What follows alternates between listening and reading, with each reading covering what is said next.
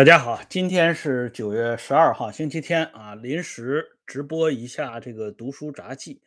没有别的目的啊。这个小铃铛也有推送，这个主要呢是刚才整理了一下这个书房，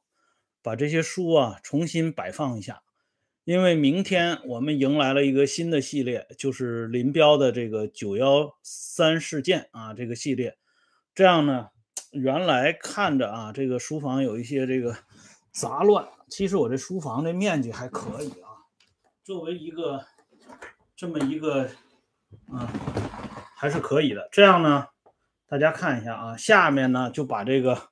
鲁迅全集啊，还有老照片呢，都给它归位了啊。上面呢就摆了一些这个平常经常用到的书啊，比如说这个。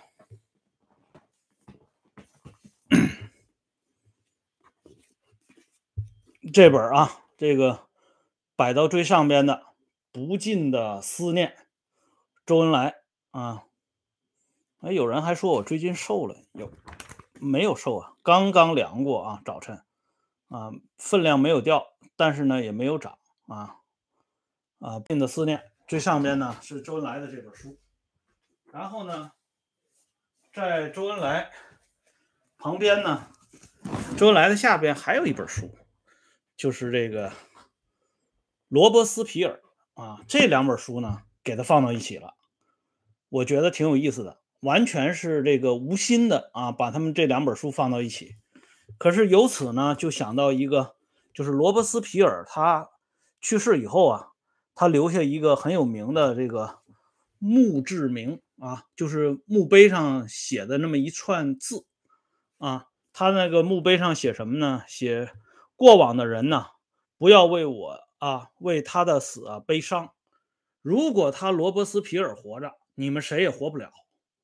啊！这话我觉得说的非常有意思啊。如果联系到周恩来的这个不尽的思念的话，我们再看一下罗伯斯皮尔这个人啊，这两两点放到一起看，这所谓的核定本啊，看来呢还是不宜看核定本。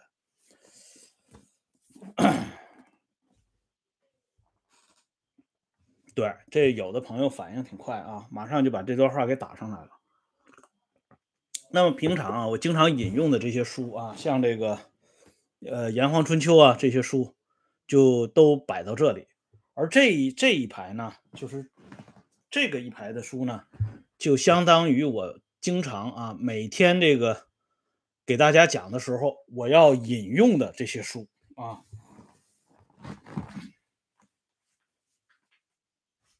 这一摞啊，这一摞书，这是明天咱们开始啊，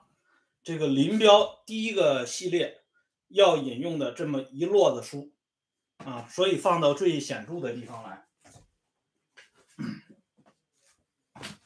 为了这个林彪系列呀，很多朋友也是等了很久了。那么我们呢，也是尽可能的啊。把这件事情呢给说的更好听一点。好了，我把这个挪一挪，大家看一下啊，看得更清楚一点。啊，另外呢，还有一些，就是林彪系列讲完之后还要讲到的，底下一整排的啊，包括这个鲁迅全集旁边的这些书是什么呢？这些书是我收集的所有的关于贺龙的东西啊。因为林彪这个九幺三事件之后，我们就要涉及到贺龙的话题了。啊，这贺龙最后为什么落了这么个结局？这件事情呢，就要从贺龙在红二方面军，我们以前讲过贺龙的这个与湘鄂西肃反这段事情。嗯，那那一段事情呢，我们先就不再涉及了，涉及的是贺龙后边的事情。啊，特别是一九四九年以后的事情，尤其是在第一次庐山会议过程当中，这贺龙表现的是一个什么样的状态啊？除此之外呢，啊，最近还有一批书是我正在看的，都摆在那个方向了啊，这样整体看起来比一开始啊给大家展示的。那个书房里那个桌子上摆的乱七八糟的那个状态呢，要干净利索一些。所以今天呢，就小小的给大家展示一下，没什么可炫耀的，因为就是一个普通人啊，既不像人家那些富豪呢，可以展示啊啊有多少套房子，有多少多少钱财啊，这个也不像那些美女呢，展示人家的婀娜多姿和这个曼妙的身材。咱们呢，就是一介书生，所以能够展示的就是这些。书籍而已啊，而且这些书籍呢，我估计喜欢的朋友也不是特别多，因为大家觉得这些书其实也没啥用啊，对于这个日常的生活呀、工作呀，没有什么太大的帮助啊。就我来，就我自己来讲呢，我是啊，挺拿他们当回事儿的。我觉得他给我的这个业余生活，给我的精神世界增添了很多无穷的乐趣啊。由此呢，我把这些乐趣每天花一点时间跟大家分享，哎，我就觉得非常好。刚才有个朋友说这句话，我特别爱听啊，“有书真富贵，无事小神仙”，我就很喜欢这副对联。哎，确实是这么回事儿啊。我觉得这些书很好看，当然这都是个人的爱好啊。好在呢，我的这个小节目里的这些朋友们。特别是非常热情的支持和鼓励我这个节目的这些朋友们，跟我的喜好非常相近，也很喜欢这些书啊。大家平素上来以后呢，呃，聊的这些话题都跟这些书有直接的关系。纪晓岚这么干过吗？我好像没印象吧。啊，有人说这个纪晓岚也专门炫耀自己有多少书。但是我估计人家纪晓岚那个炫耀的那个书跟我这书不一样，因为我这书不值钱啊，人家那个书一定是什么什么版啊，一定是什么什么名人传下来的，我这都公开出版的，大家都可以从这个互联网啊，从图书馆啊，甚至从书店都可以买到的，哎，所以我这书啊，跟人家纪云先生的书呢，完全不能比啊。但是啊，我觉得这些书呢，啊，通过这些书认识了很多啊天南地北的朋友们。我们平常在这个小节目当中有一个短暂的相聚，而由这个小小聚之后呢，又产生了诸多的共鸣，由这些共鸣呢，又激发出一一一一些火花啊。所以我对这个东西一直很珍惜，嗯。呃，今天有个朋友在回复里还专门提到，就是说希望以后讲述节目啊，他是认为应该先把这个事情的这个呃前因后果都说清楚，然后呢再进行啊具体的分析，不要先讲这个枝节啊，先奔这个主干。我很欣赏咱们这位朋友呢这么花心思啊看我的节目，并且呢提出这样的建议。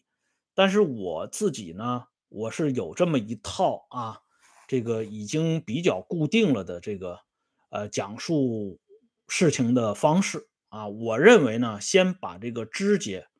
把这个一些啊外围的东西说清楚了之后，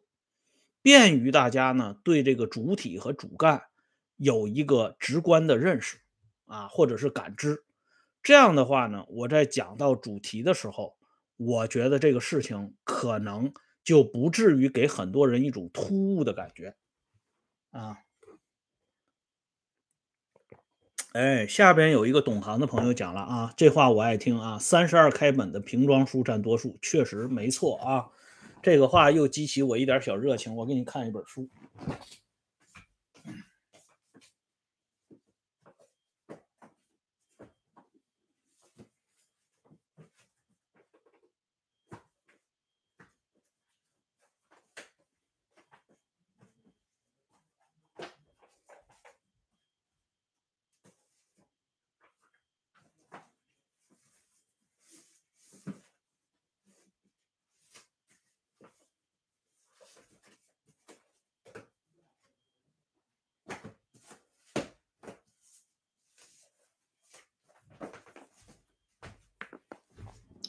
非常平实啊，你看看这本书，《红岩》中的徐鹏飞，这么一本小册子，非常薄的小册子，中国文史出版出版社是一九九三年出的一本书。这里边呢讲的故事就是什么呢？就是你看照片，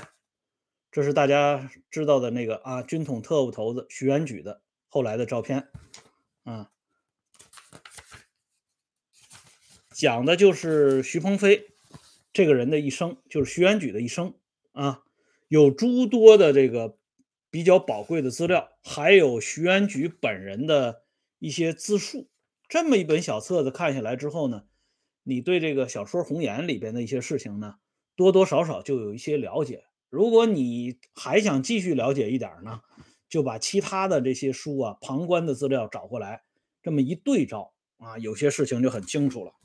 还有这个沙千里七君子之一的沙千里先生写的漫画救国会，救国会这个话题很有意思啊。这个当初张乃器他们在救国会里边跟后来这个周恩来他们发生的一些关系。以及他们日后在一九四九年之后的命运，都跟这个啊小册子里边记述的一部分内容有息息相关的地方，这也是一个很好。还有这个啊，这是蔡德金先生生前写的一本很好看的书，汪精卫啊，汪精卫的书《汪精卫生平记事》啊，这么一本小册子，拿来啊，洗完澡啊，呃，这个喝点白开水。看看这么一本小书，我觉得这晚上挺有意思的啊。当然还有一本呢，就是李鸿章与甲午战争这本书也值得一看啊。这个李鸿章对日这个交往啊，核战之间出的那些昏招，以及他不得不啊出此下策的一些这个源头，在这本小书里边都有介绍。所以就是这些书，我觉得啊，比现在的这些啊。啊，装潢非常漂亮的这些啊，要好得多。有些书你看着啊，装帧的非常精美，但实际上，说实话，没什么太大的意思啊。我再给大家看一点小册子，你看这本小册子，这是我目前正在读的一本小册子啊，这是王端阳先生整理他父亲，就是天津市。已故著名作家王林日记里边的一段事情，他公开出版呢，就是讲他父亲王林和这个天津市很有名的一个老作家叫孙犁，大家都知道写《白洋淀记事》的那个老作家，他们之间的一大段人生的交往，他就是把王林日记当中凡是关于孙犁的这一段都摘取出来，编成了这么一个小册子。这个小册子大家知道吗？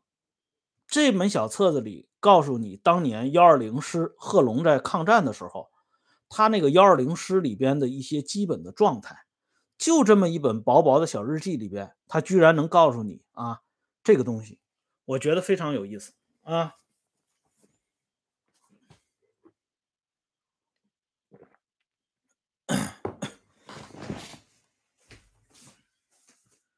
类似啊，这方面的。书很多很多，我我这里摆的还有一些像这个西南军阀的这些人的传记，唐继尧啊、陆荣廷这种小册子也非常好看啊。平时呢翻一翻，就像古人说的“开卷有益”。哎，所以呢，今天就是借着这个整理这个图书啊、书房的过程，搞了这么一期小直播。跟咱们的朋友们呢，就当做一次周末的闲聊啊，耽误大家一点时间啊！感谢朋友们上来收看、收听和点赞以及支持，欢迎大家呢时刻关注“温相说时政”会员频道啊，周一到周日经常有更新。明天我们就更新一期这个会员节目，专门来讲一下眼下呢大家都很关注的这个恒大的这个事情。啊，一起来聊一聊，哎，好了，那么今天呢，咱们这直播就说到这里啊。